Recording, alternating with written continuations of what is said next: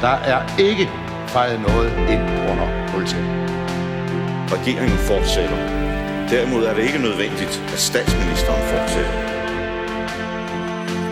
Der er ikke noget at komme efter. Per Helle, pas rigtig godt på dem. De er kun til lås. Fordi sådan er det jo.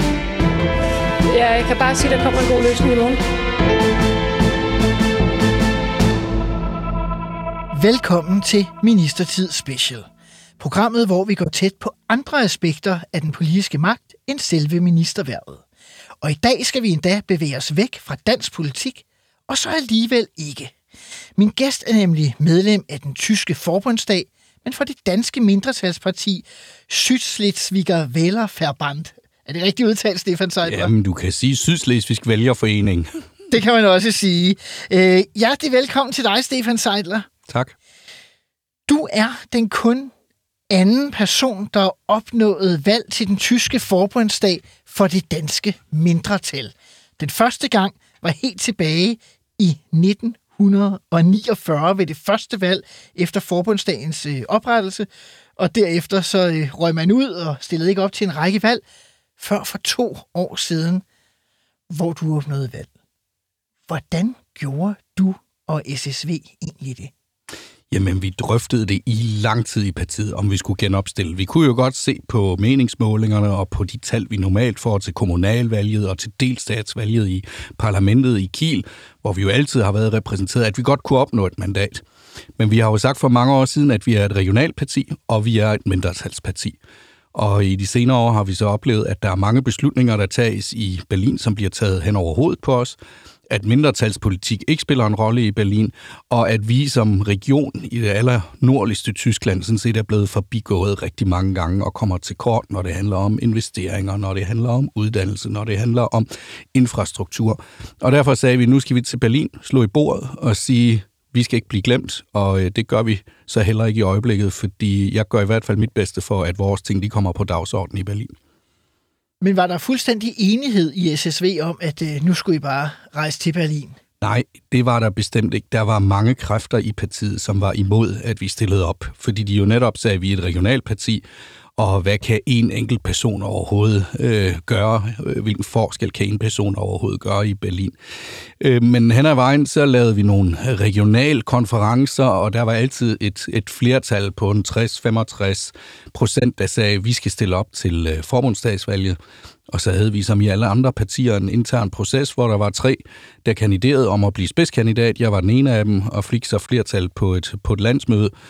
Og øh, jeg vil sige nu, hvor vi har været der i to år, øh, alle de skeptikere, der har været i partiet, og jeg overdriver ikke, det er blevet et lille bitte mindretal. Altså alle er blevet overbevist om, at det har været en rigtig god idé, at vi er repræsenteret i Berlin, fordi det har øh, givet en helt anden synlighed for, for vores parti, for vores politik, men i øvrigt også vores landsdel.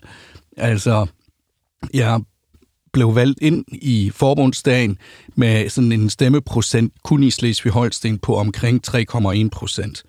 Nu ligger vi i meningsmålingerne ved omkring 9 procent. Det er, jo, det er jo rigtig fint. Det er så kun i Slesvig-Holsten. Det er ikke i hele Tyskland, fordi vi stiller jo kun op i Slesvig-Holsten. Så det viser, at, øh, at vi gør en forskel, og at folk de lægger mærke til vores politik og bakker op om den. Hvor mange stemmer skal I have for at få mere end en? Jamen, vi skal... For, altså, vi, i Tyskland har man jo en 5% spærregrænse. Den er vi fritaget for, og det er jo nogle gamle... Ja, undskyld. For... Det er nogle gamle aftaler mellem København og, og Bonn dengang, altså gamle Danmark København og Bonn-erklæringer fra 55. Lige præcis, hvor det var mindretalsbeskyttelse at sige, mindretalspartiet er fritaget for 5% spærregrænsen. Men det betyder ikke, at vi bare kan komme ind i forbundsdagen, at det er gratis. Vi skal have så mange stemmer, som det sidste mandat i forbundsdagen koster. Og da vi stillede op i 21, der kostede det sidste mandat omkring 28.000 stemmer. Vi fik 55.000 stemmer.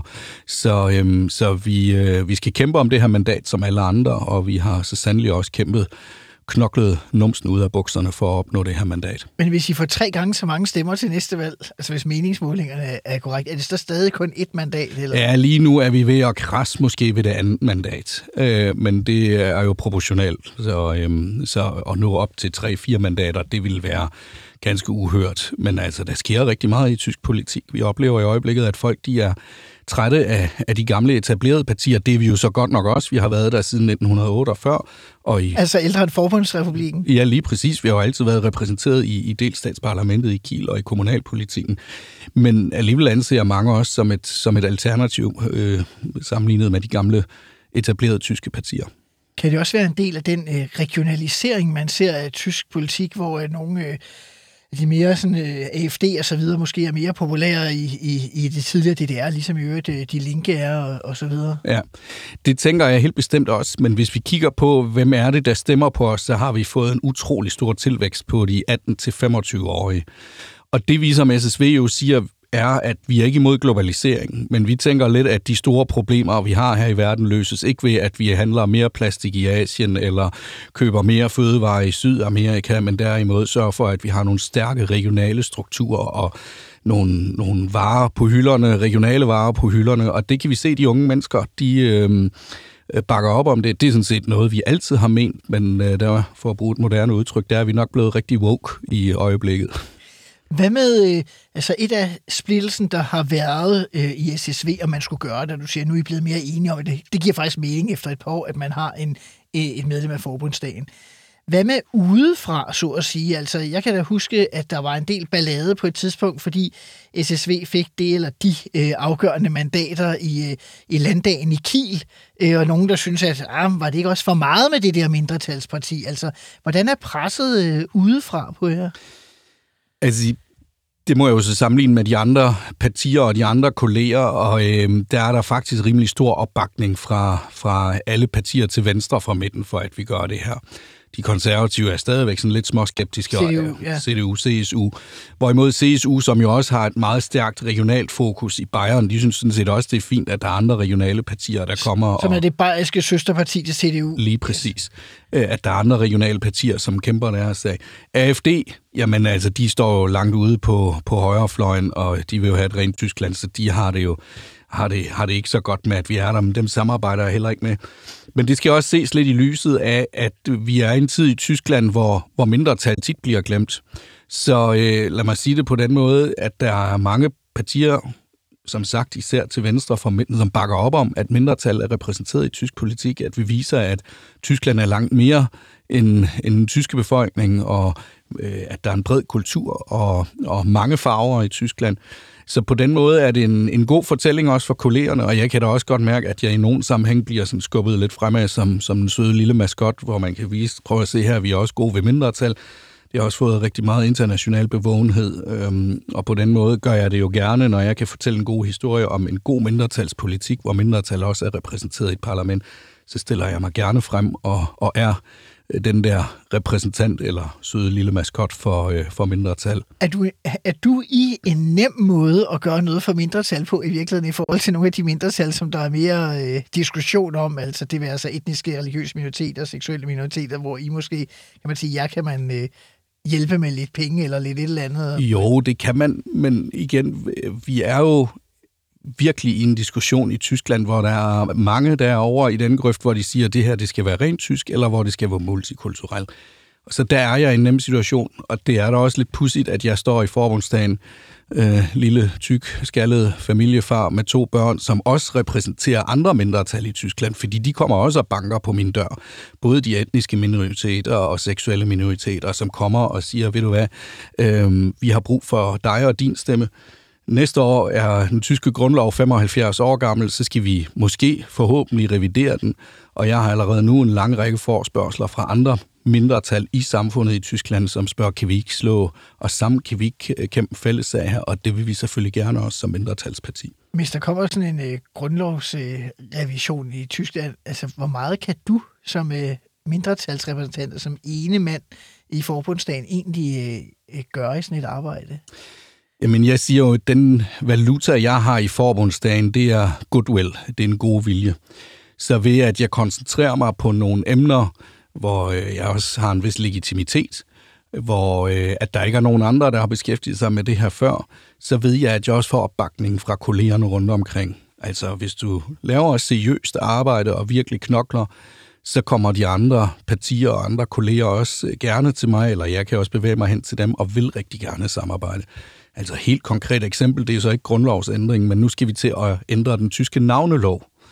Og det ja. er der så måske nogen, der vil mene, at det er lidt symbolpolitisk, men det har førhen øh, været forbudt faktisk helt tilbage fra øh, kejsertiden, at man for eksempel kunne føre eller kunne have frisiske efternavne, eller danske mellemnavne var også forbudt, eller bare det i fornavnet at bruge danske bogstaver, altså Øve Søren eller Åve Åse. Og, øhm, og det har jeg så fået ændret i samarbejde med, med de andre partier i en grad sig selv. Den tyske justitsminister øh, i debatten i sidste uge fremhæver det og, og mit arbejde. Så på den måde kan man gøre en forskel, både når det er sådan symbolpolitisk, også når vi for eksempel handler, forhandler budget lige i øjeblikket, jamen så skal jeg stå sent om natten ved den rigtige dør og banke på ved det rigtige tidspunkt og, og spørge, kig lige hjælp mig med den her sag. Og hvis man... Altså hvis man, rent fysisk? Rent fysisk, ja. Altså, det er sådan, det foregår. det, det virker som sådan en uh, kommunal konstituering, eller sådan noget næsten, eller? Det er, jo, faktisk, det ligner lidt en kommunal konstituering, det har du fuldstændig ret i. Øh, nu vil jeg sige, når vi kommer som mindretal, så kommer vi jo ikke med de store øh, millionbeløb, så er det lidt her og lidt der, som gør en kæmpe forskel for mindretallene rundt omkring.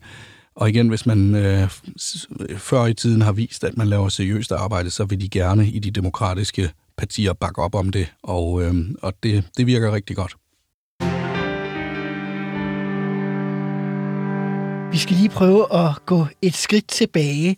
I øh, 2021, som vi lagde ud med øh, i programmet, der bliver du, Stefan Seidler, valgt til forbundsdagen for det tyske mindretalsparti øh, Sydslesvigsk Lærerforening. Danske mindretal. Undskyld, danske, undskyld, ja, i, ja, det er danske mindretalsparti i Tyskland. Godt, at du rettede mig.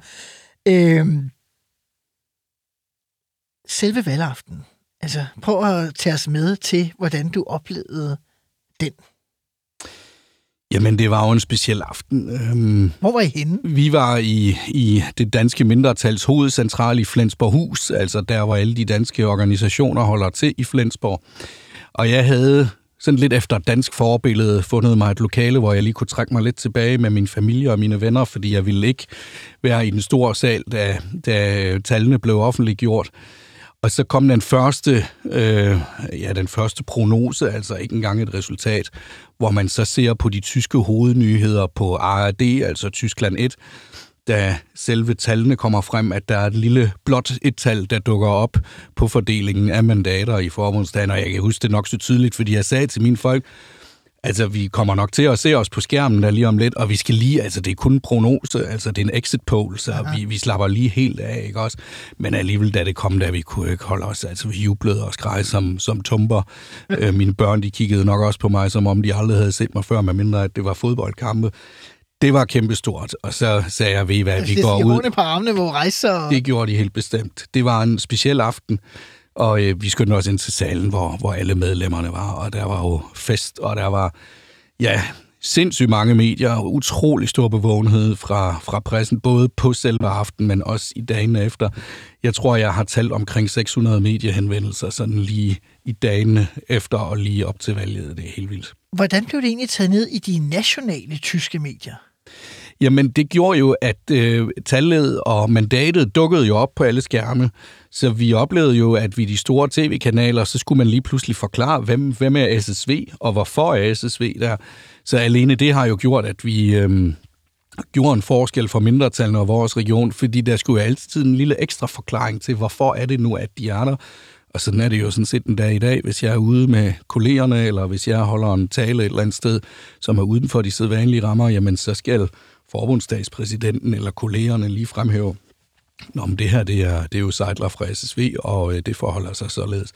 Og det tænker jeg også er, er rigtig godt. Det har jo alene været en succes, at vi på den måde fik den opmærksomhed, og, og ja, fik øh, folk til at forklare, hvad er mindretallet, hvor ligger Flensborg, og hvorfor er det nu, at det hele hænger sammen på den måde? Så både for jer og for mindretal generelt har det faktisk betydet noget i Tyskland alene, sådan markedsføring i, at man taler om jer? PR-mæssigt har det, har det givet rigtig, rigtig meget. Vi lavede en, en lille en uofficiel meningsmåling i parlamentet før valget, hvor det viste, at det kun var hver tiende, der vidste, hvad et mindretal overhovedet er, og hvilke mindretal vi har i Tyskland.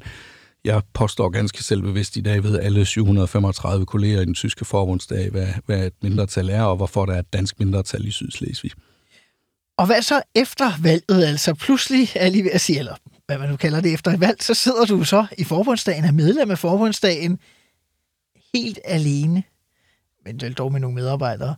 Hvordan greb du det an? Jamen, jeg må helt ærligt indrømme, at det rystede jo også i, i mine bukser der de første dage, hvor jeg tænkte, jamen, bliver jeg taget alvorligt? Øh, er der overhovedet nogen, der, der gider at samarbejde med mig?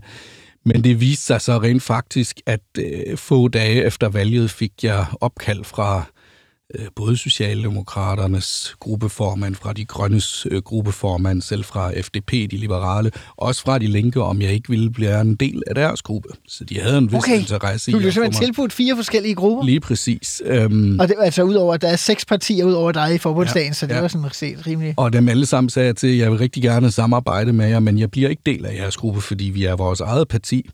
Ulempen ved, at jeg skulle blive en del af en gruppe, er også, at så får jeg en ordførerpost, det vil sige, at jeg kan kun tale til de emner øh, og forholde mig til de emner, der bliver påduttet mig.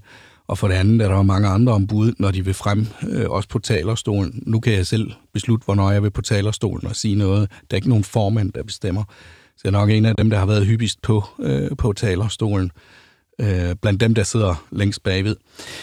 Så det vigtigste for os er, at vi i min lille gruppe af medarbejdere altid strategisk fastlægger, hvad er det for nogle emner, der er vigtige lige nu, og hvor ved vi, at vi får opbakning blandt nogle af de andre partier i, i forbundsdagen.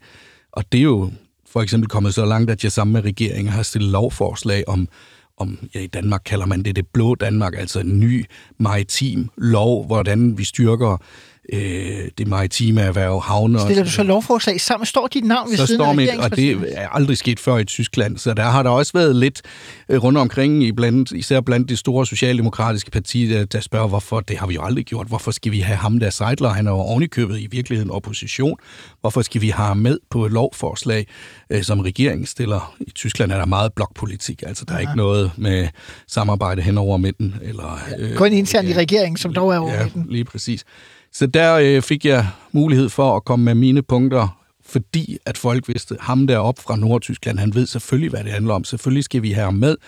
Og måske også, fordi det i deres øjne var en vis form for blåstempling, at når ham der nordtyskeren kommer med, øh, på sådan et øh, lovforslag, som netop handler om det maritime, så må det jo være øh, det helt rigtige, der står i den. Men det er jo vildt, altså med mine egne erfaringer fra Christiansborg og min meget nørdede interesse for dansk politik, så jeg kan ikke komme i tanke om noget eksempel øh, fra Danmark på noget lignende. Så det, og du siger, det er det første gang i Tyskland, i hvert fald i Forbundsrepubliken.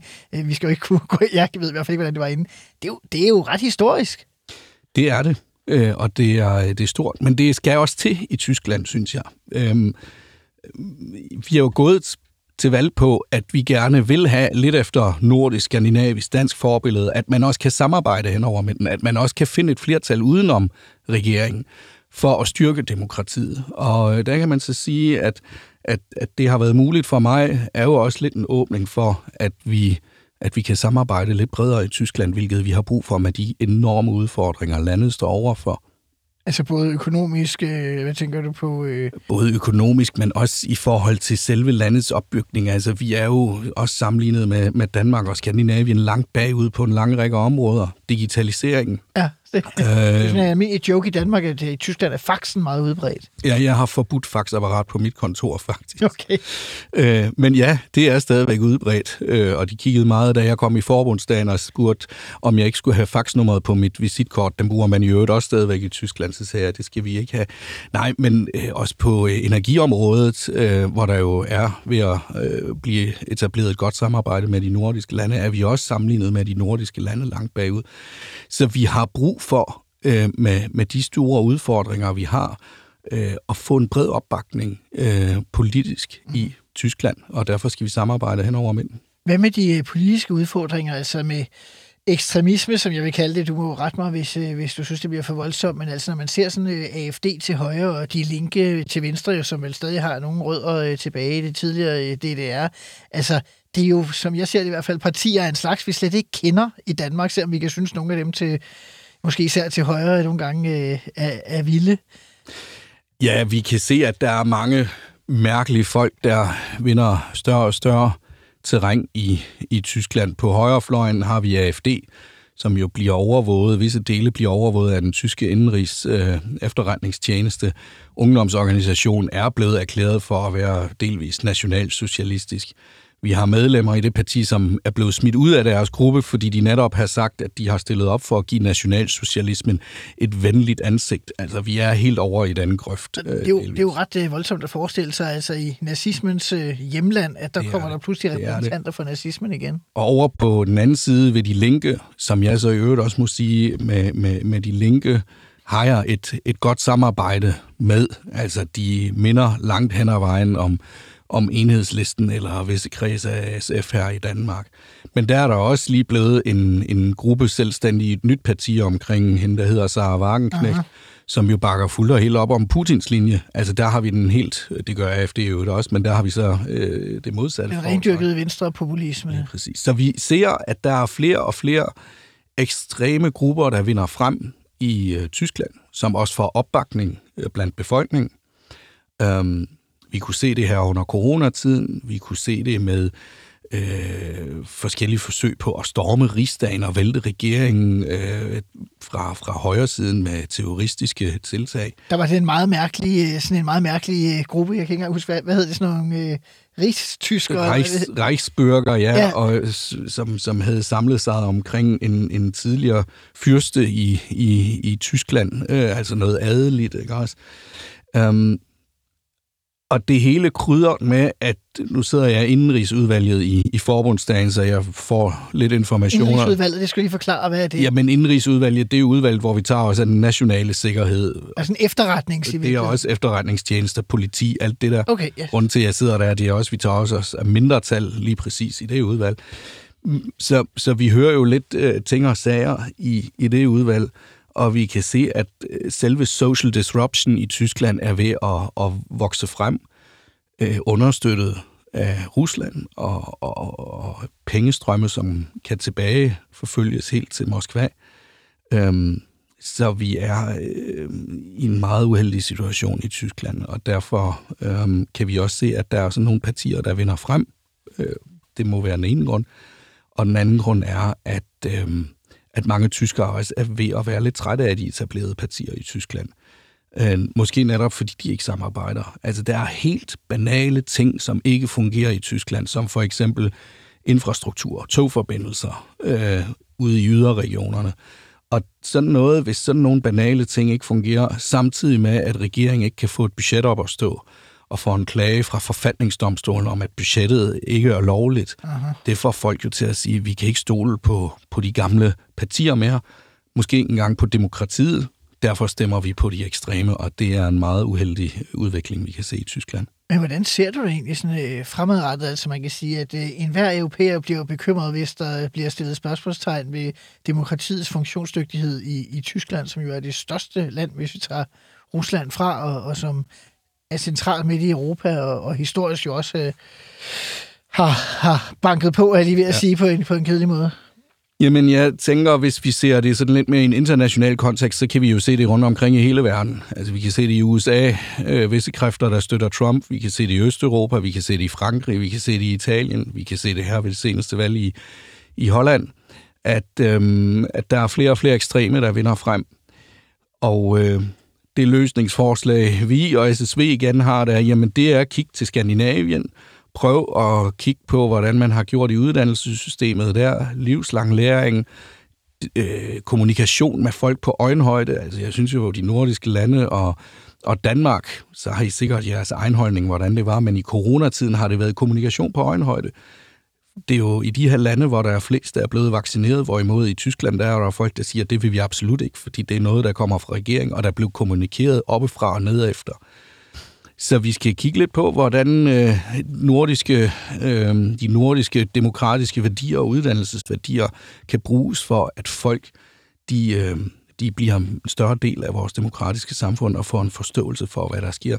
Det er simpelthen en uddannelse, vi skal investere i, og jeg tænker, at det måske på nogle områder er vigtigere end at putte mange penge i forsvarsbudgettet, fordi hvis vi kigger på, hvordan stater prøver på fremmede andre stater, fjendtlige stater, vil nogen måske endda øh, kalde dem, prøver på at manipulere os, jamen så er det jo netop via cyberwar, ved at lave øh, give tilskud til dem, der fremdyrker social disruption i, i en stat. Øh, det kan vi jo kan vi se i Tyskland i øjeblikket. Men er man ikke også nødt til at, at have et forsvar, hvis, øh, hvis russerne ruller, ruller videre? Enig, enig. Øh, vi har jo været i den situation, at vi skulle stemme om et forhøjet øh, forsvar, eller forhøjet, det er, jo, det er jo nærmest underdrevet 100 milliarder euro mere til det tyske forsvar. Til det tyske forsvar, det skal man så også lige øh, holde sig for øje.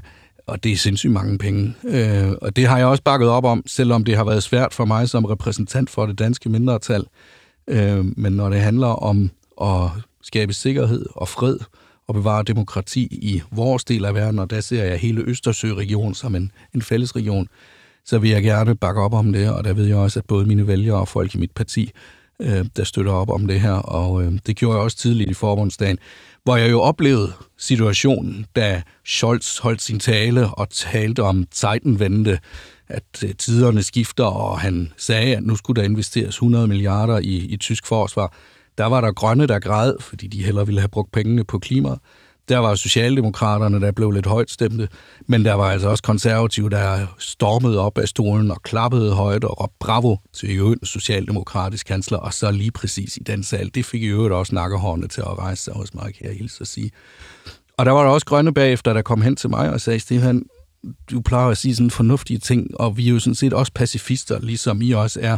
Hvordan stemmer du? Og der sagde jeg lige præcis, når det handler om at bevare fred og demokrati, og skabe øh, og bevare friheden i Østersøområdet, så kan jeg fint forsvare og, og stemme for det her, og derfor vil jeg gøre det. Og kunne se, at de grønne gruppeformand jo godt vidste, hvilke sorte, sorte for hun har blandt de grønne, og vi havde den her samtale i gang. Så da jeg kiggede bagefter på stemmetallene, så kunne jeg jo godt se, at der var røget nogle flere stemmer fra de grønne over øh, til lige præcis det her. Regeringen havde ikke nødvendigvis flertal i den her sag. Øhm, så der fik jeg en kæmpe krammer bagefter, fordi hun nok godt kunne regne ud, at Seidler han har nok gjort lidt ved, at, øh, at de har bevæget sig i den her retning. Og sådan kan man også gøre en forskel i forbundsdagen.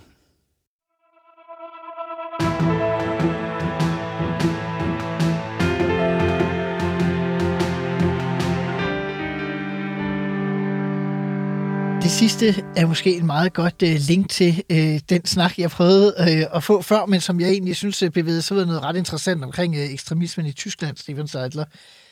Øh, en af de ting, der overraskede mig, dengang du blev valgt, altså udover det, at man overhovedet kunne få et dansk mindretalsrepræsentant i, i forbundsdagen igen, det var det her med, at du ikke blev anerkendt som et parti. Altså selvom I er blevet valgt på en partiliste, og, og du repræsenterer det, så er du i virkeligheden vel at betragte som sådan en slags øh, løsgænger, eller independent, eller hvad man skal kalde det, i, øh, i den tyske forbundsdag. Du fortalte selv før, der var fire partier, der prøvede at få dig ind i gruppen.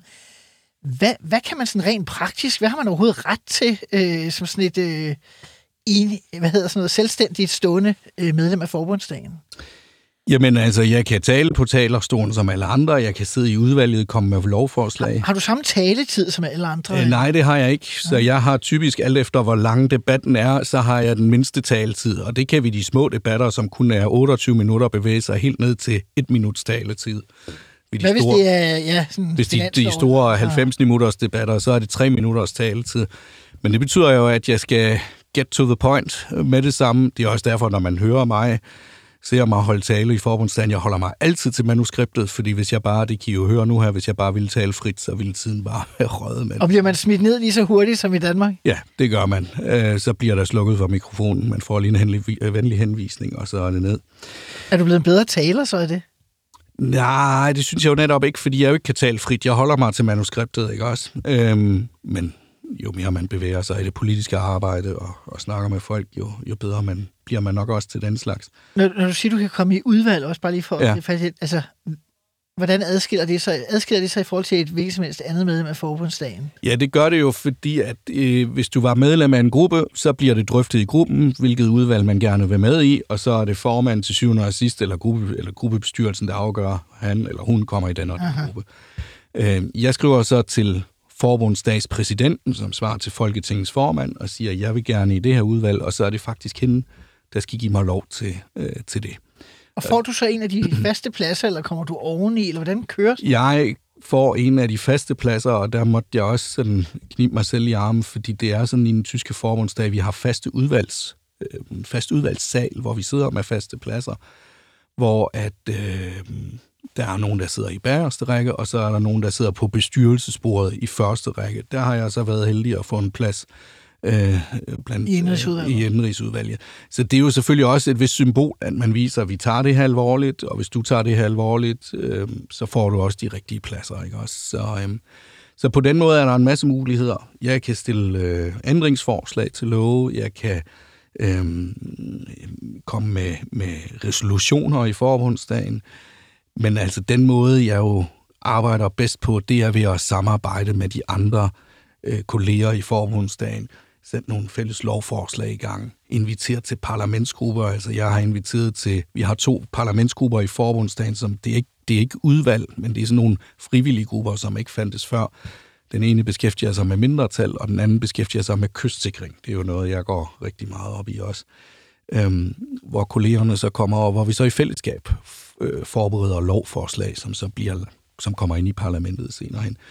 Så øh, det handler om at, at bruge de muligheder, vi har, og ja, til, til, til det aller sidste øh, stille spørgsmål til regeringen.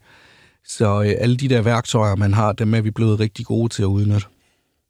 Du fortalte før, at øh, gruppeformanden for De Grønne blev meget glad i afstemningen om øh, øget, massivt øget forsvarsbevillinger efter øh, Ruslands invasion af, af Ukraine.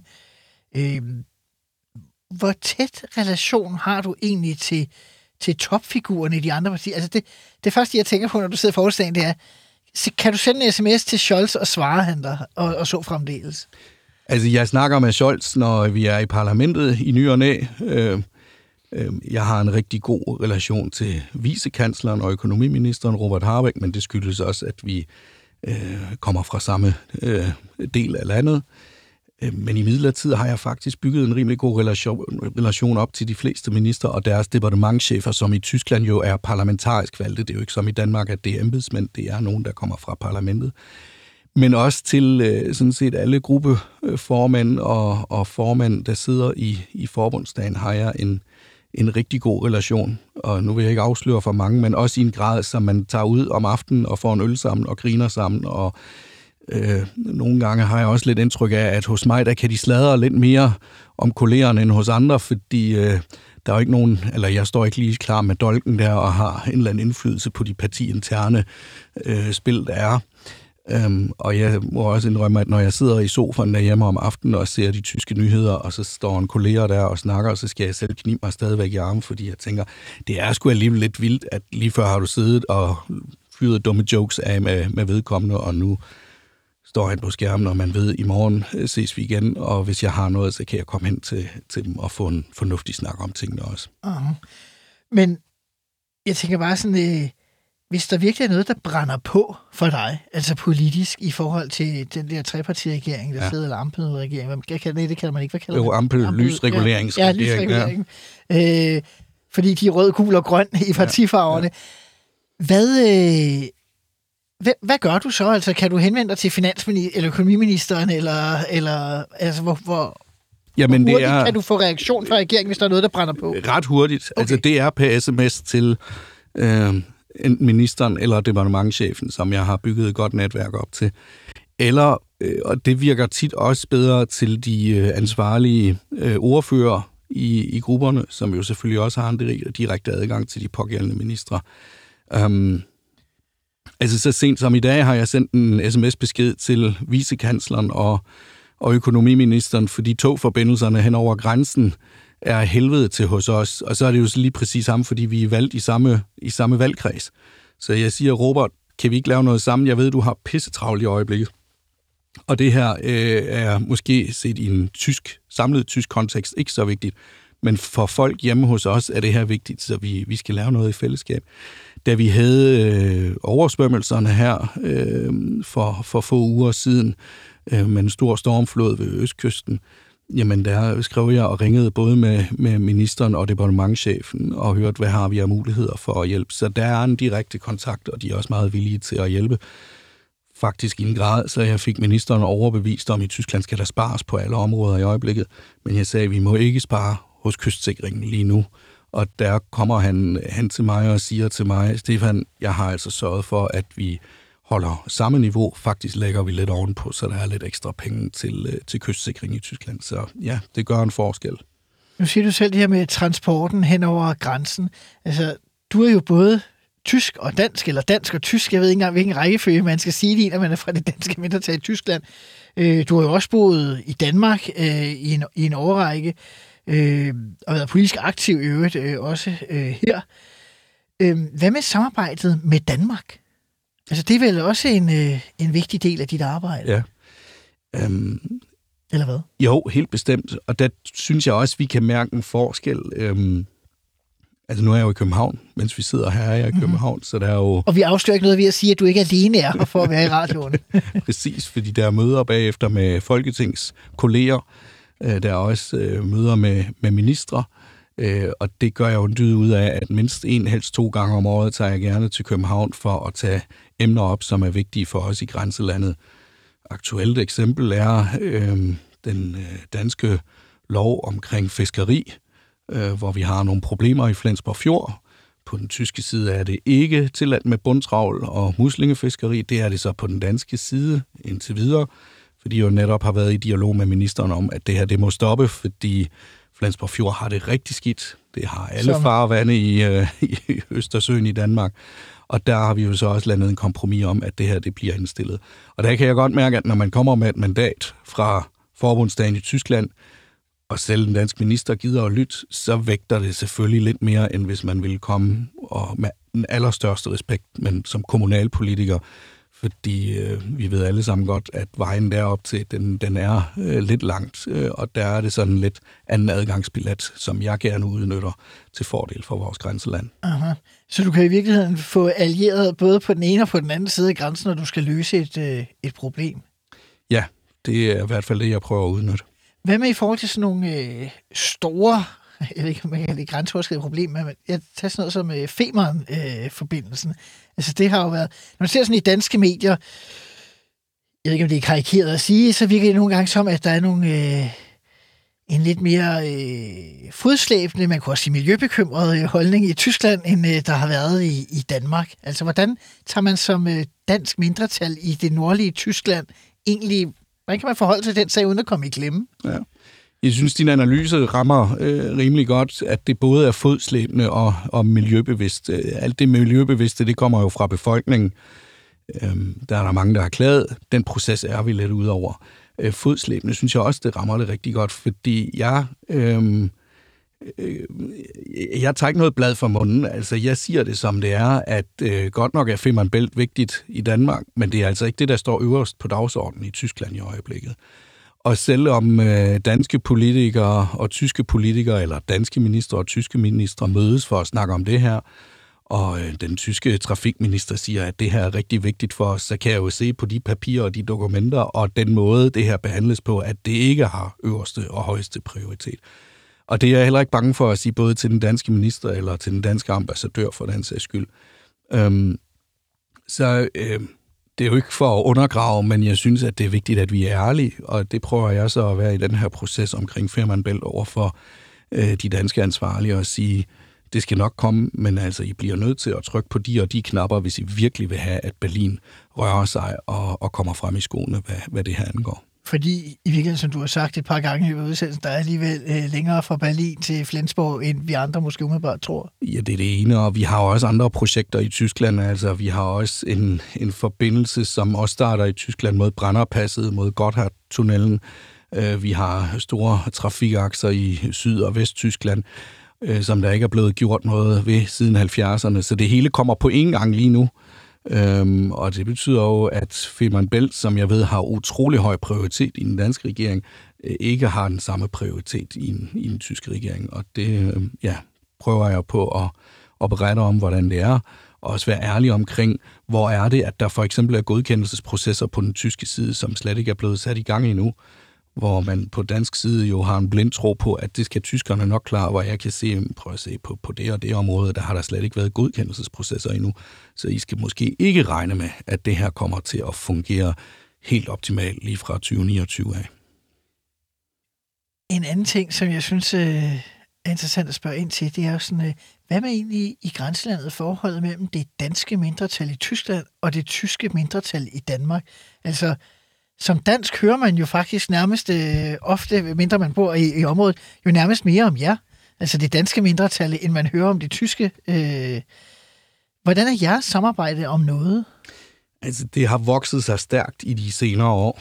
Um, hvis vi hvis vi går tilbage i tiden, så kunne vi jo ikke tåle at være i rum sammen. Øh, om hvis det var helt tilbage i 70, eller kun tilbage i 70'erne, så var det ikke fordi, at man sådan havde særlig stor sympati for hinanden. Men igennem årene har vi jo fundet ud af, at vi har de samme udfordringer, og vi bor jo sådan set også i samme region, så vi har øh, sluttet os sammen om en, om en række ting, når det handler om at videreudvikle og udvikle grænselandet Eksempelvis når det handler om grænsekontrol, så har vi jo en fælles holdning om, at det er fuldstændig tåbeligt, at man gør det, man gør, fordi det ikke er tidsvarende, og øh, på det her område har vi så et, et godt politisk samarbejde. Kulturelt, der kører vi hver vores, øh, vores egen sag, og det er jo, tænker jeg også, naturligt nok. Altså, vi dyrker jo dansk kultur, det tyske mindretal dyrker tysk kultur i Sønderjylland, Øhm, det kan godt være, at vi besøger hinanden til vores højtider og forskellige øh, store møder, men det er jo ikke fordi, at det er der, vi samarbejder tættest. Men du siger dybest set, at efter, det ved jeg ikke, 80 år eller hvor meget, så er det faktisk øh, fra, at det jo selvfølgelig har været meget fjendtligt øh, kvad de, øh, det, man kalder de slesvigske krige øh, og, og genforeningen og besættelsen og så videre, at så er man faktisk kommet hen et sted, hvor man nærmest har et øh, venskabeligt øh, forhold med mindretallene. Helt bestemt. Venskabeligt er lige præcis det, det rammer. Og det er jo sådan set øh, også den måde, vi i det danske mindretal i det hele taget omgås andre mindretal i verden på. Altså, de sidder jo stort set alle sammen med de samme udfordringer. Det handler om at få anerkendelse, om at få ligestilling. Øh, Øhm, vi er kommet rigtig langt i vores grænseland på en lang række områder af både det danske mindretal i Sydslesvig og det tyske mindretal i Sønderjylland. Jo parade eksempler, øh, fantastiske eksempler på, hvordan man kan behandle sine mindretal, når vi ser på, hvordan øh, mindretal bliver behandlet i resten af verden. Så alene også der, der står vi jo selvfølgelig sammen og fortæller om den gode, om det gode eksempel, vi har i vores grænseland, og, øh, og, og markedsføre det udad til, om man vil. Og det øh, synes jeg i sig selv jo er en kæmpe værdi, både for Danmark og for Tyskland, at vi i fællesskab gør det.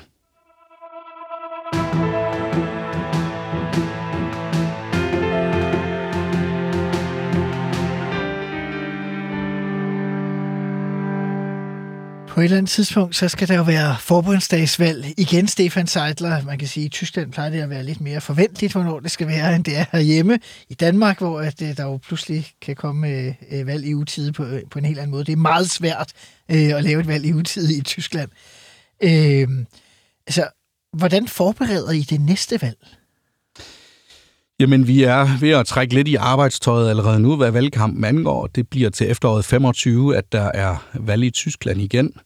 Nu må vi lige se, vi står jo også i en lille budgetkrise i Tyskland. Man kan ikke enes ja, om... det er en meget, meget øh, stor underdrivelse, ja, at tale om her. Vi, vi kan ikke enes om, om finansloven i Tyskland, og, øh, og der er rygter om, at der måske er nogle partier, der bryder ud af regeringen, så der kunne eventuelt godt komme et valg før tid, hvilket er meget usædvanligt i Tyskland.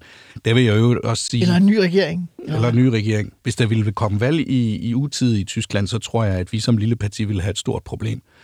Fordi øhm, der er et stort apparat, der skal køres op, både i forhold til selve kampagnen, øh, men, men, men også i forhold til den fortælling, vi skal ud med.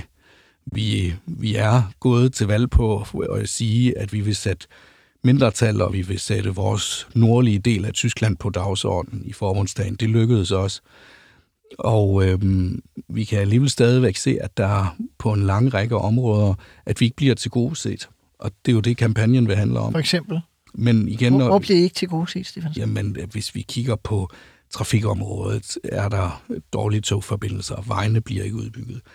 I Slesvig-Holsten der producerer vi den grønne energi for hele Tyskland og fordi vi har stillet rigtig mange vindmøller op og investeret i alt det nye udstyr, man skal bruge, så er det forbrugerne hos os, der sidder på regningen. Det er ikke noget, der bliver fordelt jævnt over hele Tyskland. Men dem længere sydpå, de nyder jo godt af den grønne strøm til billige priser. Øh, på sundhedsområdet er vi dem, der i, i bidrag fra staten for færres tilskud sammenlignet med de andre forbundslande. Øhm, så der er en, en del områder, hvor, hvor, ja, hvor vi er udkantsområde, men også bliver behandlet som sådan.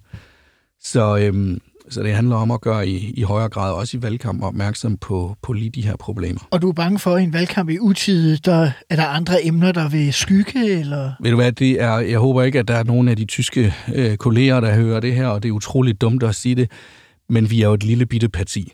Så det koster utrolig mange kræfter at lave en valgkamp, lave en ny valgvideo, lave nye plakater, lave nyt materiale.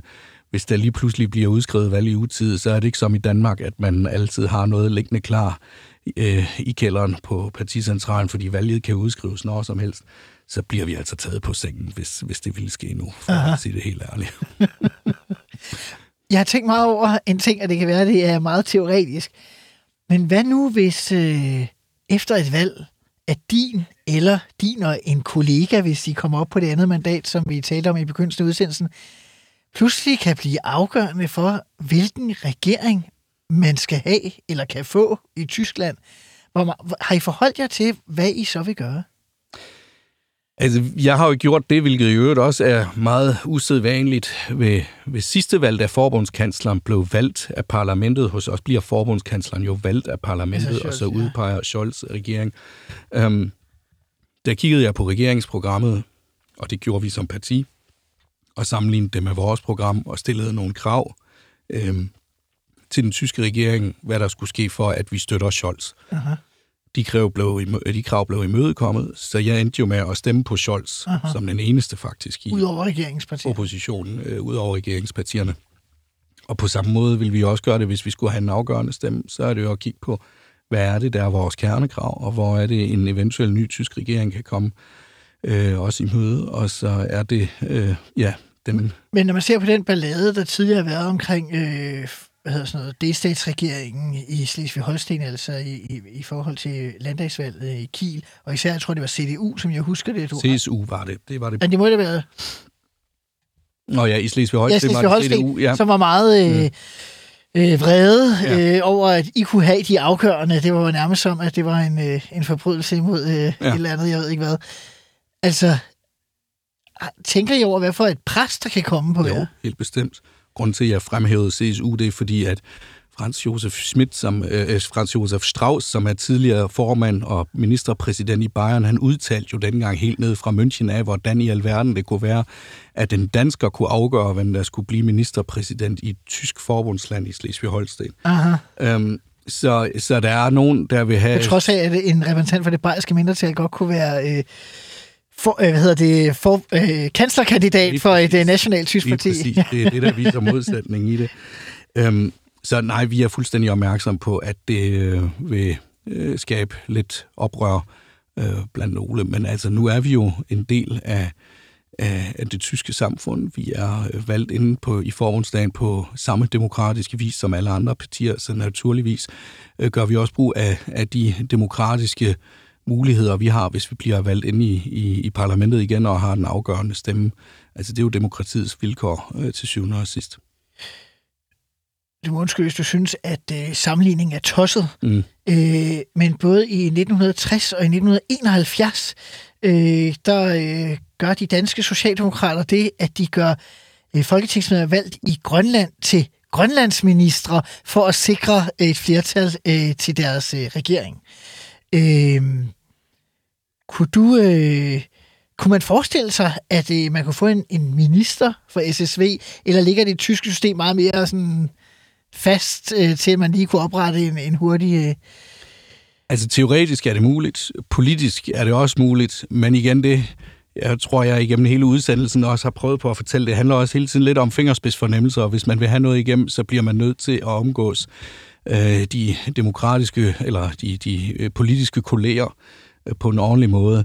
Om vi vil gå så langt og kræve ministerposter, det kan jeg på nuværende tidspunkt ikke sige. Det afgørende for os er jo, at vores politik bliver hørt og tilgodeset, og det er jo nok til syvende og, sine, øh, til syvende og, og til sidst det, ja. som vi vil holde fast i.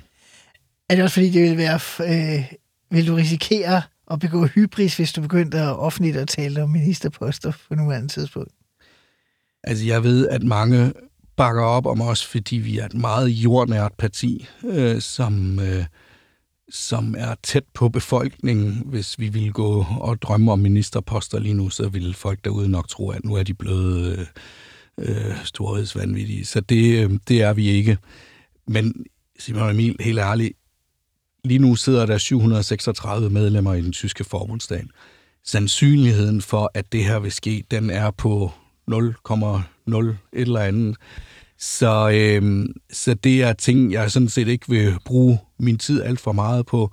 Jeg vil hellere koncentrere mig, hvordan kan vi få de ting igennem, der er vigtige for, for os øh, inden for de strukturer, vi kender i Tyskland. Du siger øh, her til sidst, vi er på de sidste minutter af, af udsendelsen, øh, du taler om det her med, at du også taler for andre mindretal, og der er jo faktisk en række nationale mindretal jo i, i Tyskland. Øh, tror, kan man forestille sig, at der er andre, der ligesom kan gentage jeres kunst, eller er I så unikke i Tyskland i virkeligheden? Altså, vi repræsenterer jo det danske mindretal og friserne, som jo er to af de i alt fire nationale mindretal, der er i Tyskland. Så har vi Sinti og romerne, som er fordelt over, over hele Tyskland, ja. som vi har et rigtig tæt samarbejde om. Jeg tror ikke, jeg røber for meget, hvis jeg nu her siger, at i næste uge kommer der igen et lovforslag af regeringen og mig. For anden gang? For, ja, for anden gang om lige præcis anerkendelsen af Sinti og Roma og deres rettigheder og deres behov.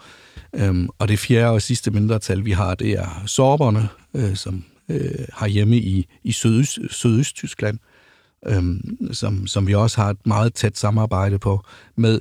De har så valgt en anden tradition, nemlig at de er meget aktive inden for det konservative parti. De har faktisk tidligere stillet en ministerpræsident. Så, øhm, så på den måde øhm, tror jeg ikke lige umiddelbart, at der er nogen der vil lave deres eget parti. Og så alligevel, altså jeg ved, sårberne har utrolig stor interesse i, hvordan man gør. Og jeg ved omvendt, i sidste uge, der fejrede det tyske mindretal i Sønderjylland jo et 40-år jubilæum, hvor de har en, en repræsentant, som jo ikke er valgt på, i Folketinget. Og der blev der jo også ytret ønsker om, måske kunne vi jo lade os lidt inspireret af, hvad, hvad SSV har gjort. Så Slesvigs parti kan komme tilbage øh, i Folketinget? Maybe, måske. Vi får se. Stefan Seidler, øh, medlem af den tyske forbundsdag for det danske mindretalsparti SSV. Det har været en øh, stor fornøjelse at have dig i studiet og gøre os klogere. Og til lytterne vil jeg sige øh, tak for denne gang og rigtig godt nytår.